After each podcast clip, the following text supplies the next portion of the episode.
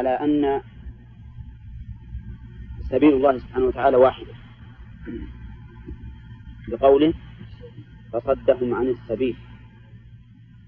وسبيل الشر بل سبل الشر متعددة.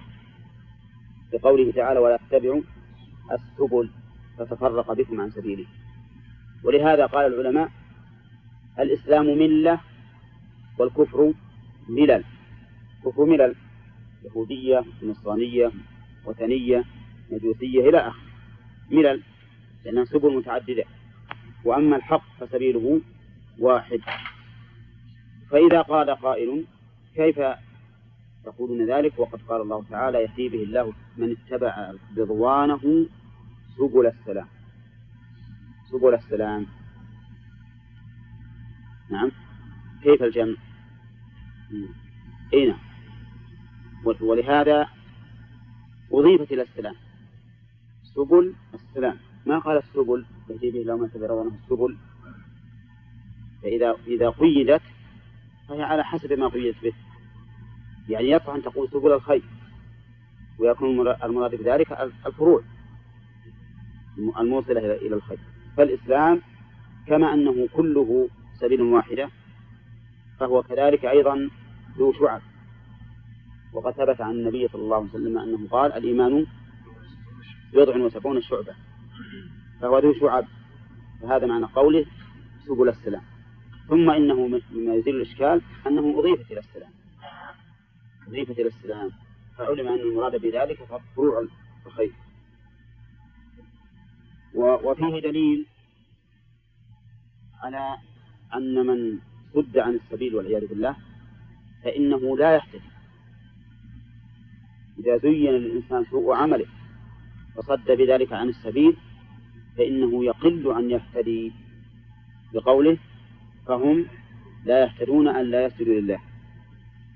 وهذا هو البلاء أن الإنسان يرى القبيح حسنا فهذا لا يكاد يقلع لكن من كان يرى القبيح قبيحا فإنه يمكنه أن يقلع ولذلك تجدون الآن مثل هؤلاء الذين يتعاملون بالحيل.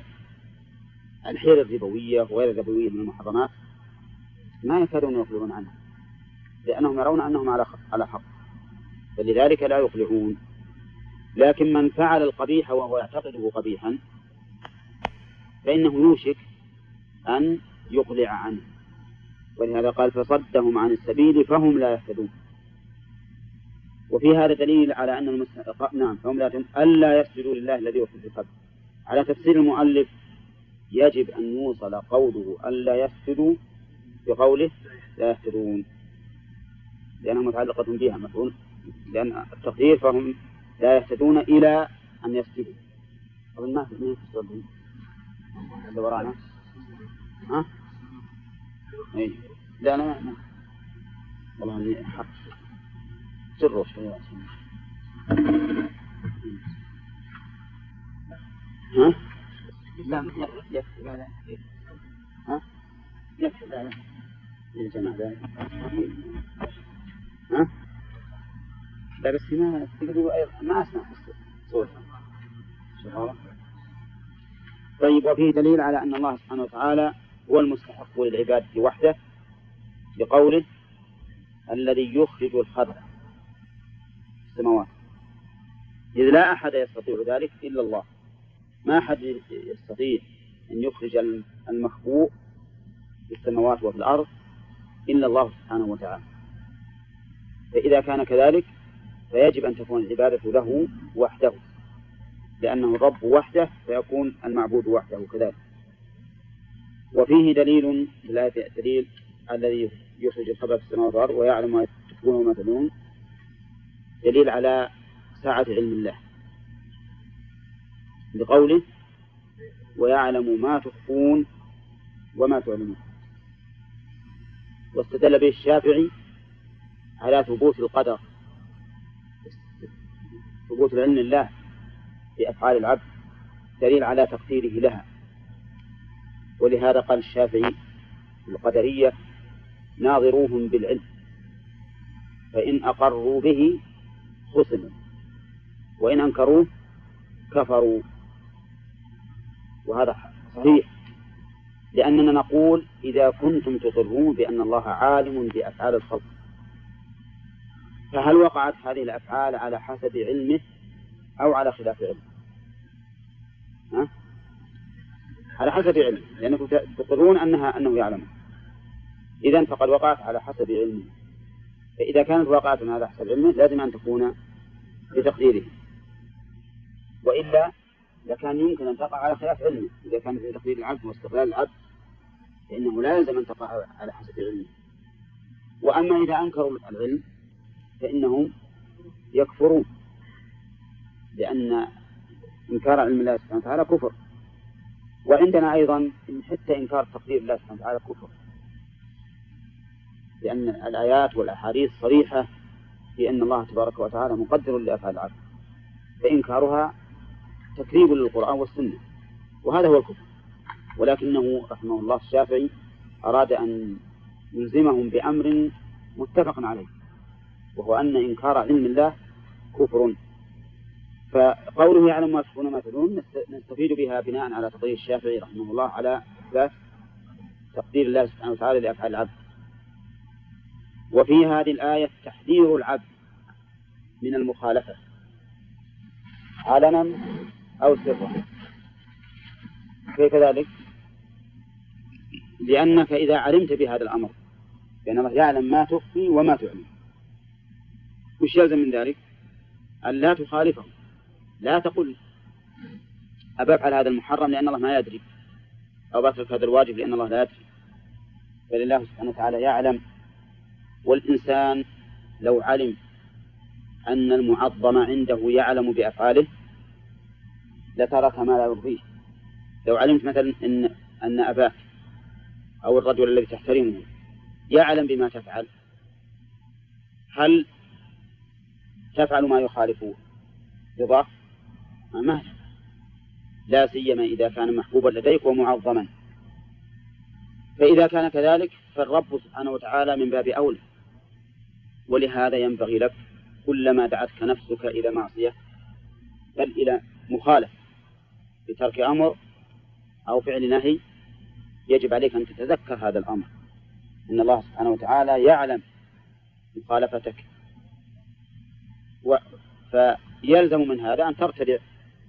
ترتدع. ولهذا جاء في الحديث وإن كان فيه نظر أفضل الإيمان أن تعلم أن الله معك حيثما كنت. لأنك إذا علمت هذا العلم أوجب لك الاستقامة والثبات على الأمر. ويعلم ما تخفون وما تعلنون. فيها قراءتان ما تخفون وما تعلنون. وما يخفون وما يعلنون. أما على قراءة ألا يسجدوا على حسب تفسير المؤلف فالمناسب ما يخفون وما يعلنون. وأما على قراءة الثانية قراءة الكسائي ألا يسجدوا. ألا يسجدوا. وهي سبعية أمس سألتنا عنها ألا يسجدوا تناسب؟ ما تخفون وما تعلمون لأن اسجدوا فعل الأمر. وفعل الأمر للمخاطب. فيقتضي أن الأفعال التي بعده تكون للمخاطب أيضا. يعني ألا يا قوم اسجدوا. وهو هنا لا يخاطب لا يخاطب سليمان لأن سليمان يسجد لله لكنه لقوة استحضاره ما ما كانت عليه. ملكة سبع خاطبهم بقوله ألا يسجدوا؟ نعم. وفي هذا دليل على إثبات العرش إثبات عرش الله. بقوله رب العرش العظيم. والعرش هو أعلى المخلوقات. وهو غير الكرسي. غير الكرسي. وليس هو الملك كما قاله منكر العلوم. الذين يقولون إن المراد بالعرش الملك. فيقولون استوى على العرش أي استولى على الملك. هذا لا شك أنه ليس بصحيح والعرش معروف عند العرب وفي اللغة العربية بأنه سرير من؟ سرير الملك. نعم الخاص به. وفيه إثبات انفراد الله سبحانه وتعالى بالألوهية لقوله الله لا إله إلا هو فإذا قال قائل هذا النفي أو الحصر حقيقي ولا إضافي؟ ها؟ إذا قلنا إذا قلنا حقيقي فهذا يلزم أن يكون إله ليس بمعنى معبود نعم. ليس بمعنى معبود والمعروف أن إله بمعنى معبود إذا كان بمعنى معبود لازم أن يكون الحصر إضافيا. إذ هناك معبود سوى الله وهي الأصنام. مسلمان لا إله إلا الله أي لا معبود بحق إلا الله. وحينئذ يكون الحصر إضافيا. وإن جعلناه حقيقيا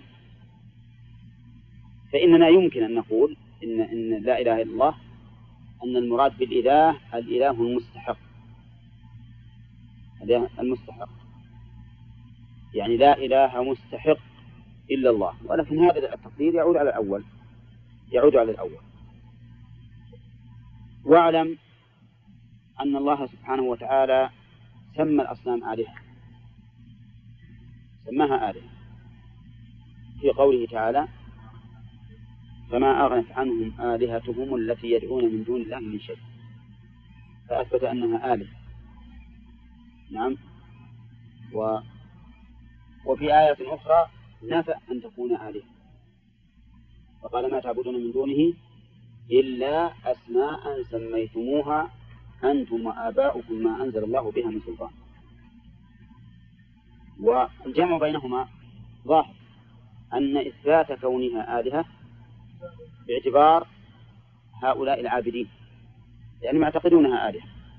ونفي أن تكون آلهة وأنما هي أسماء باعتبار حقيقة الأمر فإنها ليست بآلهة تستحق أن تعبد. ولهذا نفي أن تكون آلهة لأنها ليس لها ليس لها حق في أن تعبد. نعم؟ الحصر الحقيقي والإضافي إذا قلنا إنها لا إله إلا الله لا, معبود بحق. إلا الله صار حصرا إضافيا. يعني باعتبار أن يكون بحق. فلا فلا إله إلا الله. أما بحق وباطل فيوجد آلهة سوى الله. وحينئذ يكون الحصر إضافيا. يعني بالإضافة إلى إلى إلى الإله الحق. وإذا قلنا حقيقي فهو باعتبار الواقع أنه لا, لا يوجد إله إلا الله وأن هذه الآلة مجرد أسماء يكون الحصر حقيقي. باعتبار الحقيقة والواقع. إن مؤدان واحد. مؤدان. واحد ولهذا أثبت الله الآلهة مرة ونفاها مرة أخرى. قال رب العرش العظيم فيه إثبات الربوبية. لقوله رب. ورب بمعنى خالق ولا بمعنى صاحب؟ بمعنى خالق.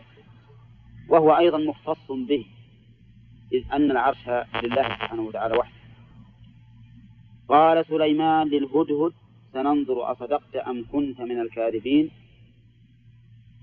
يستفاد من هذه الآية أنه ينبغي التثبت في الخبر لا سيما عند قيام الشبهة. أولى ما هي الشبهة التي قائمة هنا؟ أن الهدهد قال ذلك مدافعة وإن كان بعيد لأنه قال جئتك من سبأ بنبأ يقين. لكن لما كان هذا مقام دفاع فإنه ينبغي أن يتثبت الإنسان أكثر. ولهذا قال سننظر أصدقت أم كنت من الكاذبين مع أنه قالوا بنبأ يقين. وقلنا إن هذا نظير ما وقع لأمير المؤمنين عمر بن الخطاب مع أبي موسى الأشعري حيث استأذن عليه ثلاثة وانصرف. فلما عاتبه بعد ذلك قال هكذا أمرنا رسول الله صلى الله عليه وسلم. فقال هات من من يشهد له. نعم. فشهد من؟ محمد بن مسلمة. فمثل هذه الحال وإن كان الخبر متيقنا لكن لا مانع من, من أن الإنسان يتثبت في ذلك. نعم. طيب. وفي هذا دليل على أنه ينبغي للإنسان أن يكون لبقا في تعبيره حتى لغير لغير الآدم. لقوله أصدقت فصرحه هنا بلفظ الصدق لأن الصدق صفة محبوبة محمودة. وفي الكذب ما قال أم كذب قال أم كنت من الكاذبين فتحاشى أن يصارحه بالكذب وصف الكذب. نعم. مع ما في ذلك بالنسبة للقرآن الكريم من مراعاة الفواصل. إن كنت من الكاذبين فإن هذه فيها مراعاة للفواصل. وقول المؤلف إن هذا أبلغ من أن كذب هذا له وجه. لأن قوله أم كنت من الكاذبين أي من المتصفين بالكذب دائما يعني ممن وصفه الكذب. وليس من كذب مرة واحدة كمن كان الكذب وصفا له. فيكون العدول هنا عن أم كذبت له ناحيتين أو ناحيتان. الناحية الأولى أنه ألطف من التصريح بالمخاطبة بالكذب قول عندما واحد يكلمني أقول هل صدقت أم كذبت؟ هذه أشد وقع عليه من أن أقول صدقت أم كنت من الكاذبين. ومن جهة أخرى هي أشد حيث إنها تدل على اتصاف المخاطب بالكذب لا أنه وقع منه مرة واحدة. نعم فالمؤلف راعى وجه وجها وترك وجها آخر الوجه الثاني. والصواب أنه في كل وجهين مراعى فيها الوجهان جميعا. ثم قال اذهب بكتابي هذا فألقه إليهم ثم تول عنهم فانظر ماذا يفعل طيب لا في الآية اللي قبلها. فننظر أصدقت في هذا دليل على جواز تعظيم الإنسان نفسه إذا كان أهلا لذلك نعم على أنه يحتمل أن يكون سليمان أراد أنه ينظر ذلك بما بمن يستعين به من جنوده. بمن يستعين به من جنوده. لا أنه يريد أن يباشر هو بنفسه ذلك. أرجو انتباه سننظر. هذه لا شك أنها من جماعة. فهل هي جماعة حقيقة أو من باب التعظيم؟ لأن المعظم نفسه معناه نزل نفسه منزلة الجماعة. نقول هذا فيه احتمال. فإن كان سليمان عليه الصلاة والسلام أراد تعظيم نفسه فهو أهل لذلك لأنه ملك ورسول. وإلا فإنه يريد سننظر بجنودنا وأعواننا أصدقت أم كنت من الكاذبين؟ وإن كان لا يريد أن يباشره بنفسه. فالملك والوزير والأمير ومن أشبههم إذا قالوا سنفعل كذا فإما أن يكون بأنفسهم فيكون ذلك تعظيما لأنفسهم أو بواسطة الجنود والأعوان فيكون هذا مراعاة للجنة وفي وقال اذهب بكتابي هذا فألقه إليهم ثم تولى عنهم فانظر ماذا يرجعون. في هذه الآية دليل على أن الحيوانات تعقل ما يوجه إليها من الأمر والنهي والإختبار والفحص لقوله اذهب فألقه ثم انظر. نعم. وتولى. كل هذه أوامر للهدهد. مما يدل على أنها الحيوانات هذه تعقل. ولكن ليس معنى قولنا أنها تعقل أن تكون عاقلة من كل أحد. صحيح أنها تعقل عقلا محدودا بالنسبة لعامة الناس. ولهذا تزجر البهيمة فتندفع وتدعوها فتقبل. ولكنه ليس هذا كمثل تسخيرها لسليمان عليه الصلاة والسلام فإن تسخيرها لسليمان أنها تنزل منه منزلة الإنسان العاقل الفاهم من كل وجه. قال اذهب بكتابي هذا فألق إليهم وفيه أيضا دليل على أنه ينبغي تحسس الأخبار عند الحاجة لذلك. وهذا ما يسمى بالمتابعة. لقوله فانظر ماذا يرجعون. فإنه إذا تولى وجعل ينظر لا بد أن تبين له الأخبار. لأنه لو, ك... لو أنه ما تولى عنهم لو ألقاه وبقي. نعم؟ يمكن ما يتكلمون بالأشياء التي يتكلمون بها إذا كان غير حاضر لديه. لكن إذا تولى عنهم حينئذ وجدوا لأنفسهم مجالا في الكلام على ما يريدون. هذا من السياق. عندما تعمل عملا فإنك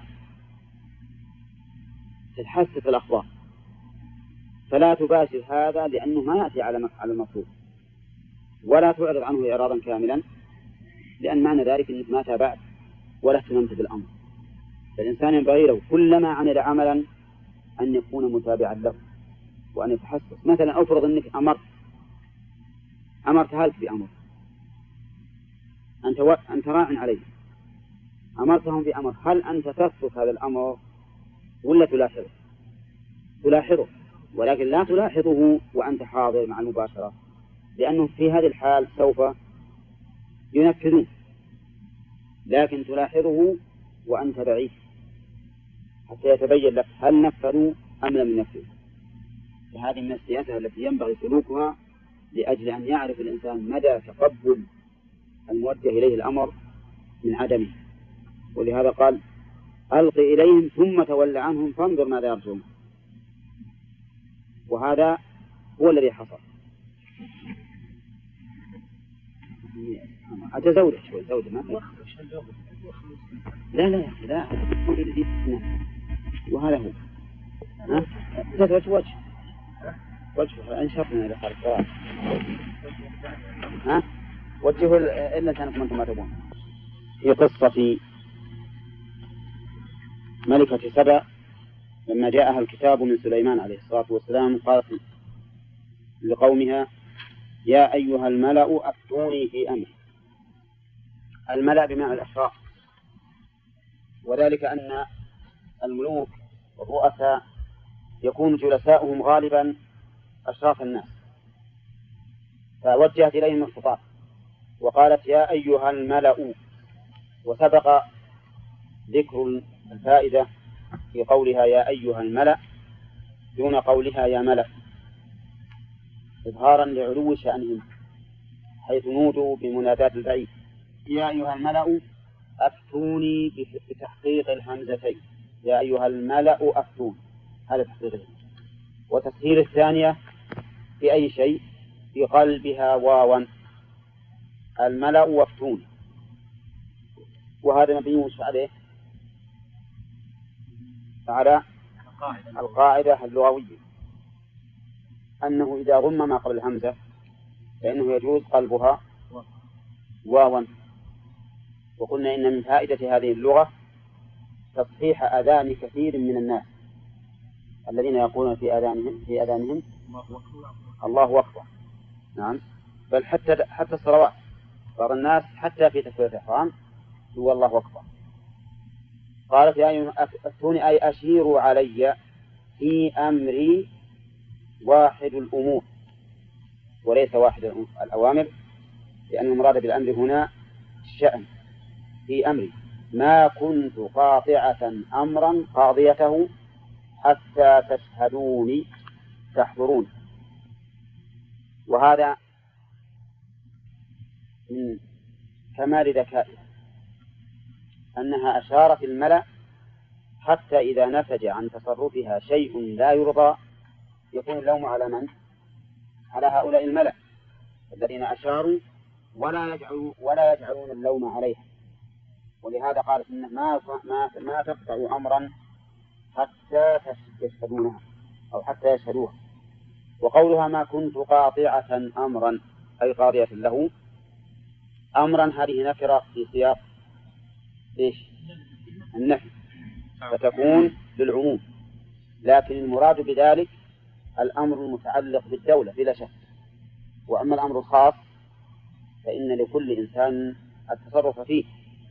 وكذلك قول الله تعالى للنبي صلى الله عليه وسلم وشاورهم في الأمر. هذا الأمر إنما هو في الأمور العامة التي للجميع. وليس الرسول عليه الصلاة والسلام ولا غيره مأمورا أن يشاور الناس في كل أموره. حتى لو أراد أن يتغدى أو يتعشى ذهب يقول للناس إيش تقولون؟ لا الأمور العامة التي يشترك فيها الناس هي التي يؤمر فيها بالتشاور. وقولها قاطعة أمرا.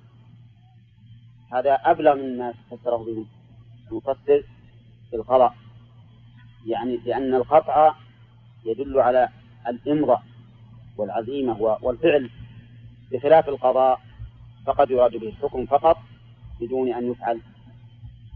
وقول حتى تشهدون فيها إشكال لغوي وهي ثبوت النون مع أن حتى ناصبة فما هو الجواب؟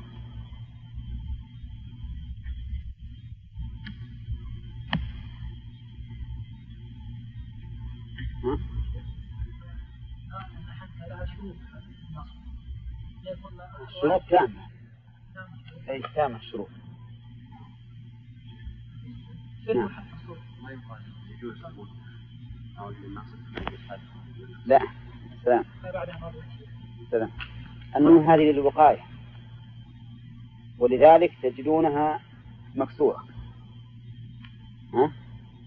ولا حتى تشهدوني. لو كانت من الرفع لقال تشهدون. فالنون هذه للوقاية. وما كنت أظن أنها تشكل عليها. نعم. وأنا قلت فيها إشكال لغوي وأنا يلا أقولها لأني ما ظنيت أنها تشكل لأنها مكسورة. ومثل قول ومثل هذا قوله تعالى في سورة الطور فلا يستعجلون؟ وش أول الآية؟ وإن وإن الذين ظلموا عذاب دون ذلك؟ لا. لا في سورة الطور. تراهم يخوضوا ولا حتى ولا قيمهم الذي فيه يصعقون يوم لا ينام كل شيء. ولا الذاريات الذاريات لا لا باقي اي فإن الذين ظلموا ذنوبا مثل ذنوب أصحابهم فلا يستعجلون. فلا يستعجلون. إذا وقفت عليها تتسكر النون فيظن السامع أن النون هنا ثبتت مع وجود النهي. فلا يستعجلون. وهي مع النهي تحذف ولكن النون هنا للوقاية. ولذلك إذا وصلت تقول فلا يستعجلوني فويل للذين كفروا من يومهم الذي يوعدون نعم.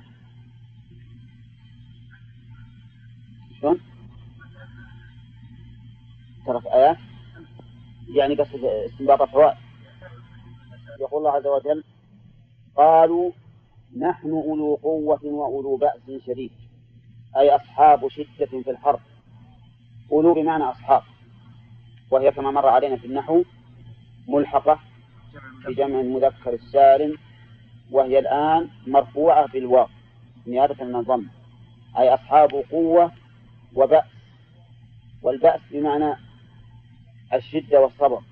بأس شديد أي أصحاب شدة في الحرب فكأنهم يعرضون أنهم يعرضون بأن بالمشورة عليها بالقتال. بأن تقاتل سليمان. ويقولون نحن مستعدون للقتال لأن لأننا أصحاب قوة وأصحاب بأس شديد. القوة هنا هل المراد القوة الجسمية أو القوة المادية؟ كلاهما.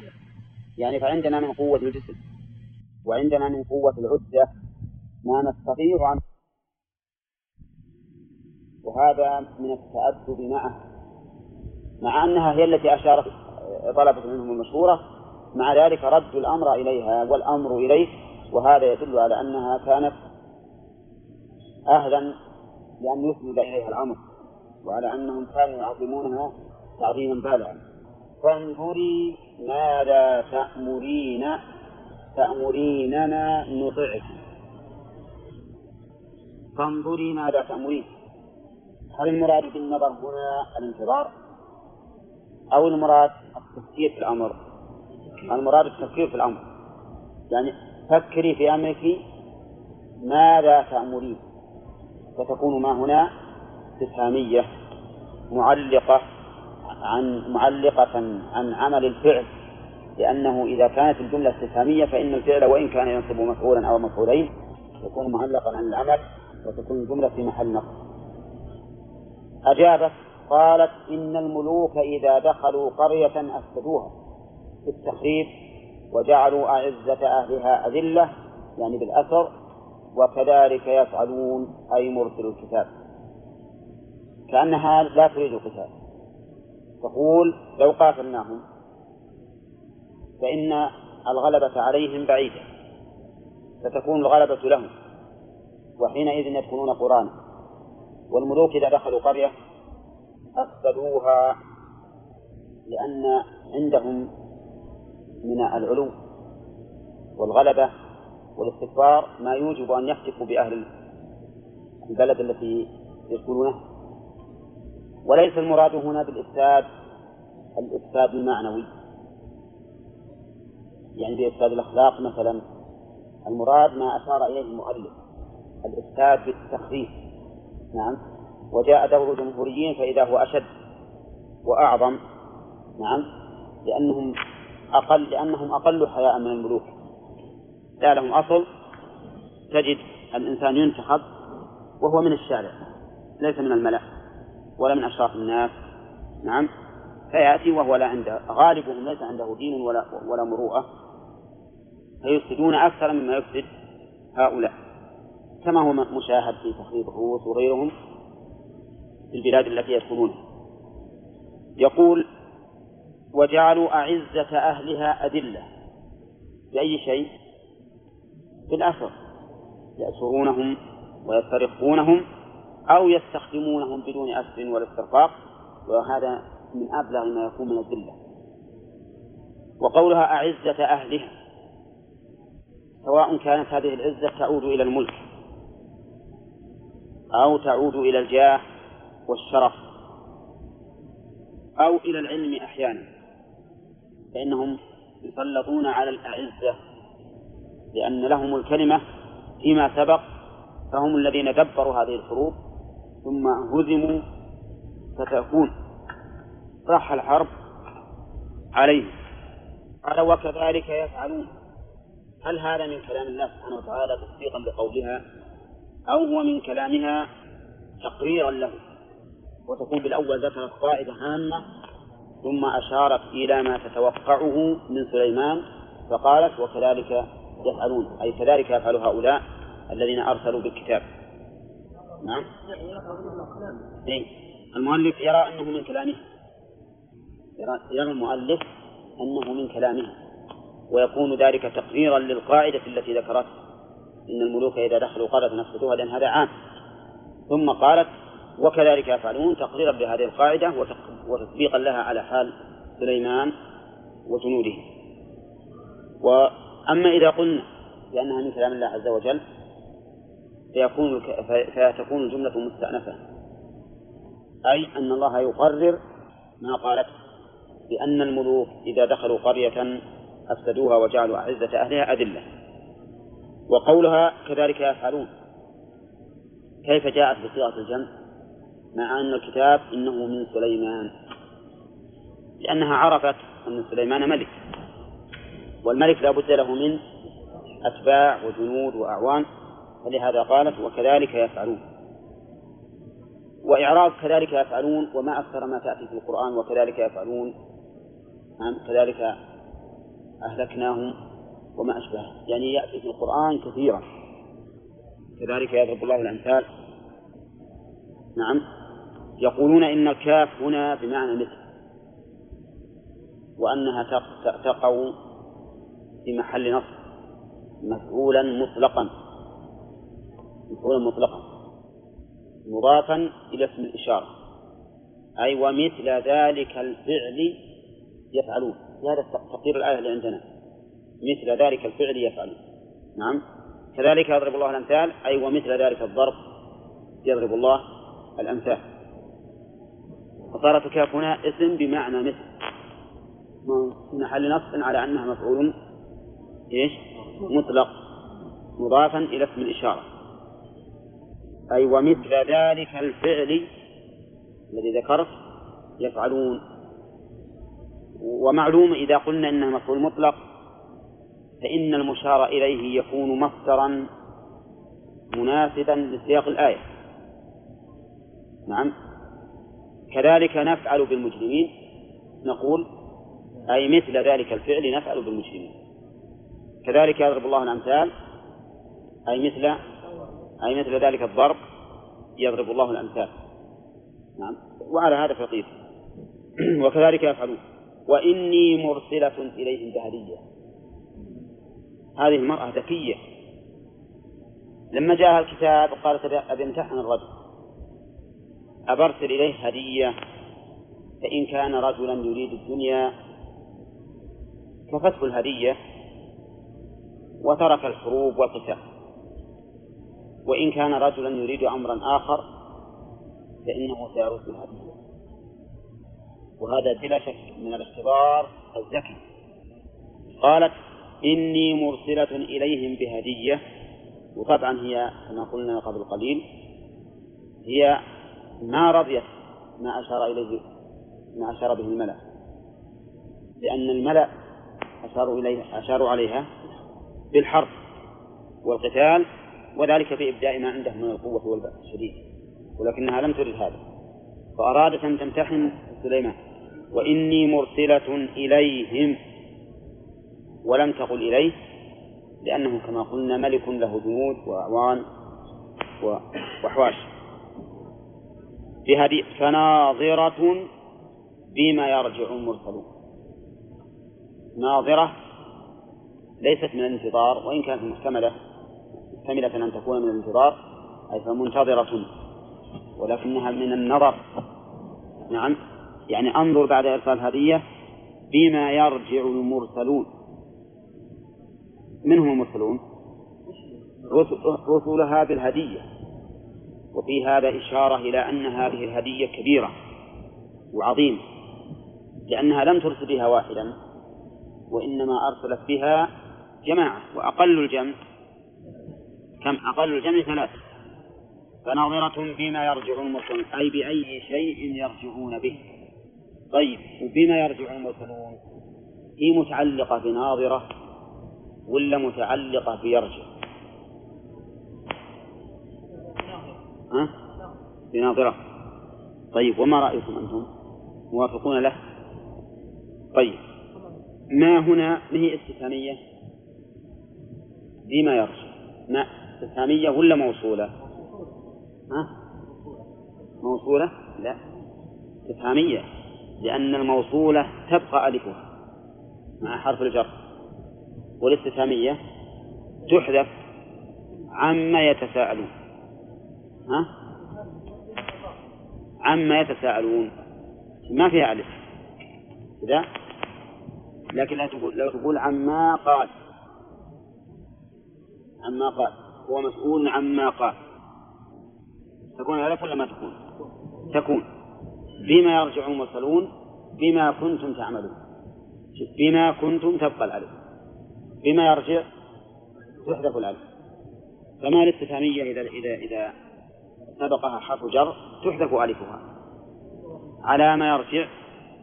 لا ما فيها لغتين هذه قاعدة اللغة. ولهذا نقول إن فيما يرجع الجار مجرور متعلق بيرجع. ولا يصح أن يكون متعلقا بناظرة بناء على القاعدة المشهورة عند النحويين وهي أن أن اسم الاستفهام له الصدارة.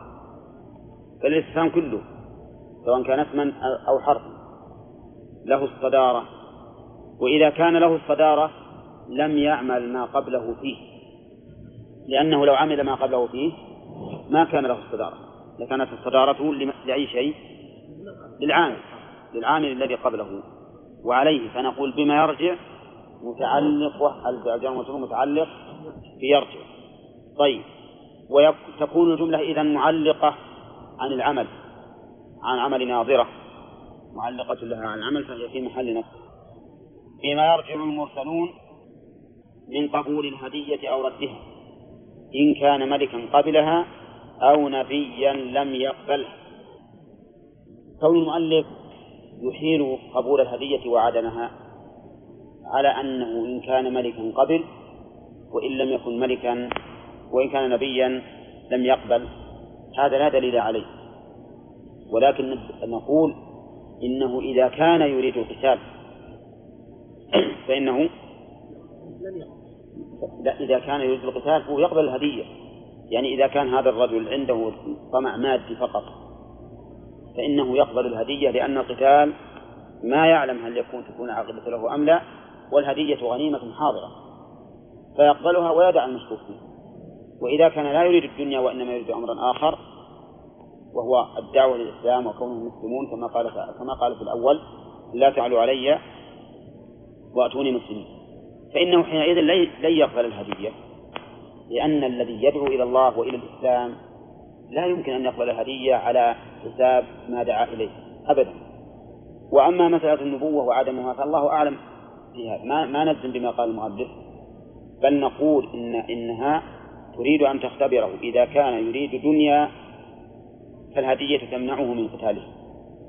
وإذا كان لا يريد دنيا وإنما يريد أن يسلموا فالهدية ما تمنع فأرسلت فأرسلت خدما ذكورا وإناثا. على الآن يبين المؤلف الهدية.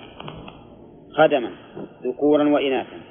ألفا بالسوية وخمسمائة لبنة من الذهب. وتاجا مكللا بالجواهر. ومسكا وعنبرا وغير ذلك مع رسول بكتاب. التعيين هذا لا دليل عليه. ولهذا نقول إنها هدية كبيرة بلا شك. ويدل على كبرها أن الذين أرسلوا بها جماعة. أما تعيينها بهذا بهذا بهذا الأمر فهذا لا نجزم به. فإن كان واردا عن بني إسرائيل فإنه من الأخبار التي لا تصدق ولا تكذب فأسرع الهدهد إلى سليمان يخبره الخبر. لأنه لأن سليمان قال له ألقه إليهم ثم تول عنهم فانظر ماذا يرجعون. أولى والظاهر أن الهدهد بقي حتى استقر أمرهم على شيء. وقد استقر على الهدية. يقول فأسرع الهدهد إلى سليمان يخبره الخبر فأمر.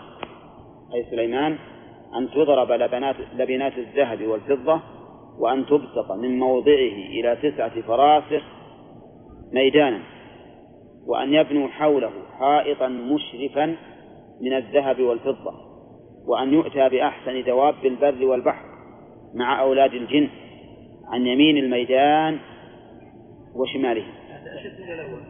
أي نعم كل هذه كل هذه ما عليها دليل. كل هذه الأشياء التي ذكرها المؤلف ما عليها دليل. وهي من من الغرائب يعني أن أنت تطوف على المؤلف ويأتي بها لأن على أنه مخطئ مع مع العلم بأنه ما فيها دليل إطلاقا في الآية. ما في الآية دليل لهذه المسألة أبدا. إنهم يجعلون الذهب والفضة تبسط من مكانه إلى تسعة فراس كم تسعة فراس من ميل؟ ثلاث في تسعة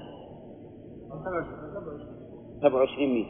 سبع وعشرين والميل كيلو ونصف الله أكبر.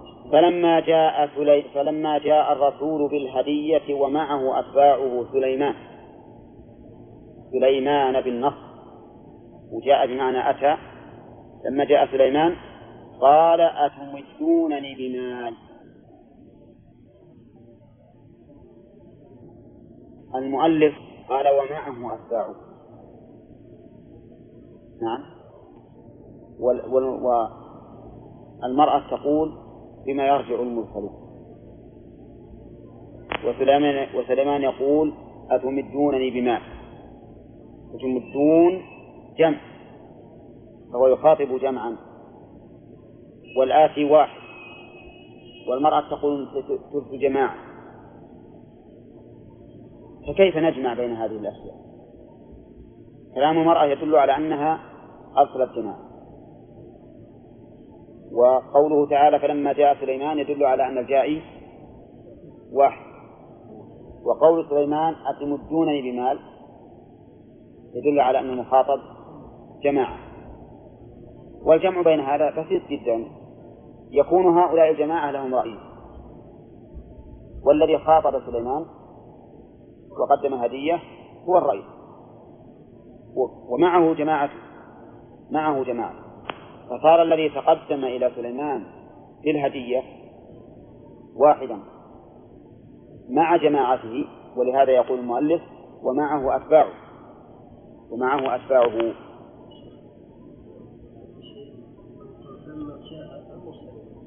لا لا لأن لأن ما جاء ما, ما ذكر الفاعل. إذا إذا إذا لم يذكر الفاعل فهو مستثنى ومعلوم أن أن جاء مفرد. لو كان المراد الجماعة لقال فلما جاءوا سليمان. ها؟ جاء المفرد لوحده جاء هذه الواحد ما فيها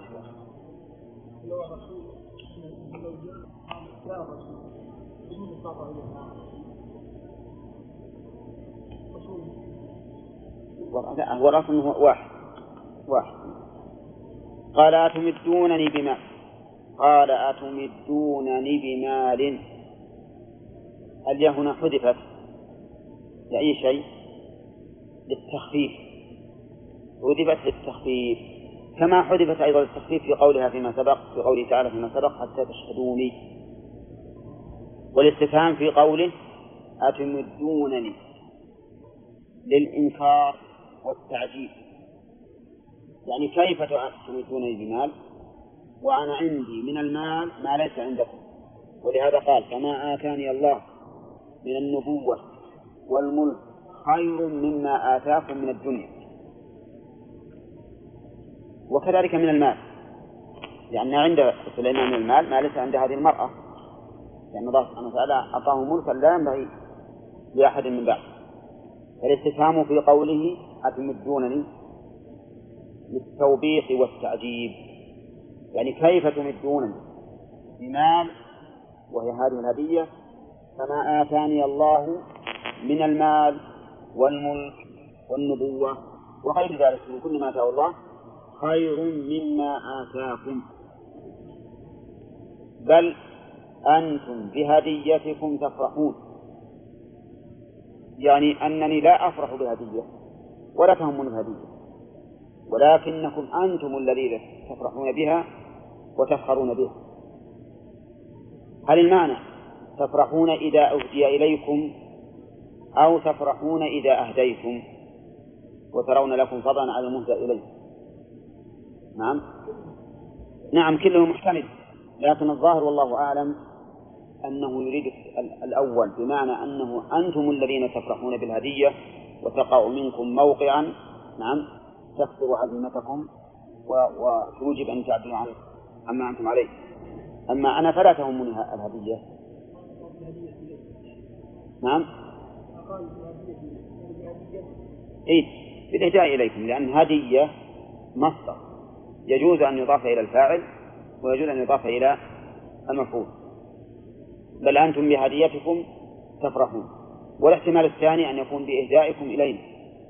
تفرحون تفخرون. يعني أنكم تفخرون بها. ولكن المعنى الأول أليق بالسياق. ارجع إليهم بما أتيت من الهدية. الخطاب الآن للرسول. وهذا من تعبير الأساليب لفائدة. لأن الذين حملوا الهدية هم الجماعة جميعا. فناسب أن يخاطبهم جميعا لأنهم حملوا هذه الهدية. وهنا لما أراد أن يحملهم الإبلاغ فإن تحميل الإبلاغ للجماعة تضيع فيه المسؤولية حمل الإبلاغ من؟ رئيسهم فقط. لأنك إذا وصلت جماعة مثلا لشخص من الناس. ضاعت المسؤولية وصار كل واحد منهم يتكل على الآخر فلا يحصل الإبلاغ لكن إذا حملتها واحدا حينئذ يتحمل ويؤدي. ولهذا حمل الرئيس فقال ارجع إليهم يعني إلى جماعتك الذين أرسلوك بما أتيت من الهدية فلنأتينهم بجنود لا قبل لا طاقة لهم بها ولنخرجنهم منها من بلدهم سبع سميت باسم أبي قبيلتهم أذلة وهم صاغرون أي إن لم يأتوني مسلمين. هكذا القوة لأنه لا يريد المال ولا يريد الدنيا وإلا لخضع وخنع لهذه الهدية الكبيرة التي أرسل بها جماعة. لكنه لا يريد ذلك فخاطبهم بهذه العبارات القوية. فلنأتينهم واللام. إبراهيم. شيله. موطئ للقسم والنون. نأتينهم نعم. النون للتوكيد فعلى هذا فالجملة وعلى هذا فالجملة مؤكدة بثلاثة مؤكدات. القسم واللام والنون. ثم فيها من التعظيم. فلنأتينهم. ولم يقل فلا آتينهم لأن هذا أبلغ في الهيبة سواء أراد تعظيم نفسه أو أراد بذلك آتيهم بجنود. نعم. وقوله لا قبل لهم بها فيه استصغار هؤلاء الجماعة الذين أرسلوا بهذه الهدية.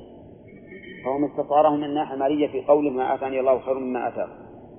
ومن الناحية العسكرية في قوله لا قبل لهم بها. لا طاقة لهم بها لأن عندهم من الجنود الجن والإنس. بل والطير أيضا. نعم. فما ما لهم طاقة في هذا الشيء. أيضا ولنخرجنهم منها أذلة. فنحتل بلادهم ونخرجهم منها أذلة. وهم صاغرون. الفرق بين الأذلة والصغار الأذلة الذل في النفس والصغار في البدن يعني يكون مستسلما ظاهرا وباطنا. مستسلما ظاهرا بالصغار ومستسلما باطنا بالذل. نعم. قال الله تعالى وتراهم يعرضون عليها خاشعين من من الذل ينظرون من طرف خفي. الخشوع بمعنى الصغار. والذل هو ذل النفس والعياذ بالله وهذا دليل على أن سليمان عليه الصلاة والسلام عنده من قوة العزيمة وقوة السلطان ما استطاع أن يعبر بهذا التعبير لهؤلاء الذين أهدوا له هذه الهدية. فإذا قال قائل كيف يليق بسليمان عليه الصلاة والسلام أن يقابل جماعة أهدوا له هدية في هذا الأسلوب العنيف؟ الجواب ظاهر في هذا نعم لأنه أيهم إيه؟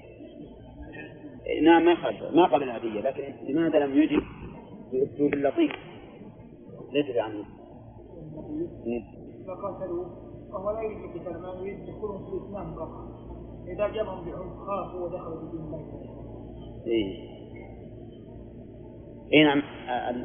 نقول الجواب على هذا أنه عليه الصلاة والسلام أراد أن يظهر لهم قوته وأنه لا يهتم بشأنهم.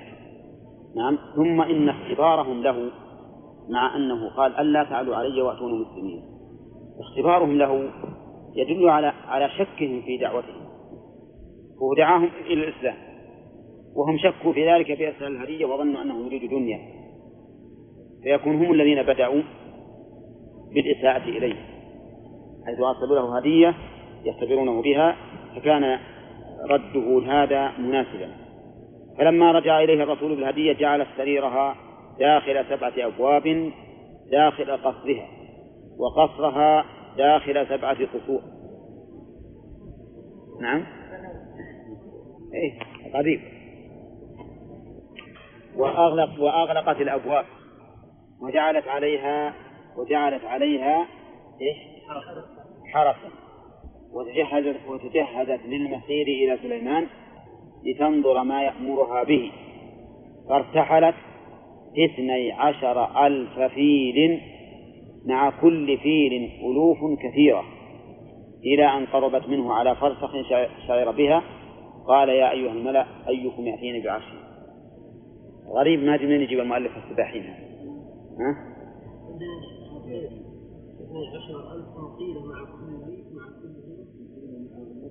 لا اثنى عشر ألف فيل. فيل هي حتى عندنا أنا عندي قيل لكنها صحيح اثني عشر ألف فيل اثني عشر ألف فيل نعم. الأفيال يمكن كثيرة في اليمن ولهذا صاحب الفيل الذي أراد أن يكون الكعبة جاء بفيل. نعم. يقول ومع مع كل فيل ألوف كثيرة من الناس. اثنى عشر ألف ومع كل فيل ألوف كثيرة. في العالم إلى أن قربت منه على فرسخ شعر بها فقال يا أيها الملأ أيكم يأتيني بعرشها إلى آخره. الاقتصار على القصص في القرآن وهو اللائق بالمسلم إلا ما صح عن النبي صلى الله عليه وسلم. وذلك لأن الله يقول ألم يأتهم نبأ الذين من قبلهم قوم نوح وعاد وثمود والذين من بعدهم؟ لا يعلمهم إلا الله. فعلم هذه الأمم إلى الله سبحانه وتعالى. فاللائق بنا أن لا نتجاوز ما جاء به القرآن. أيها الإخوة لم يتم الشرح في هذا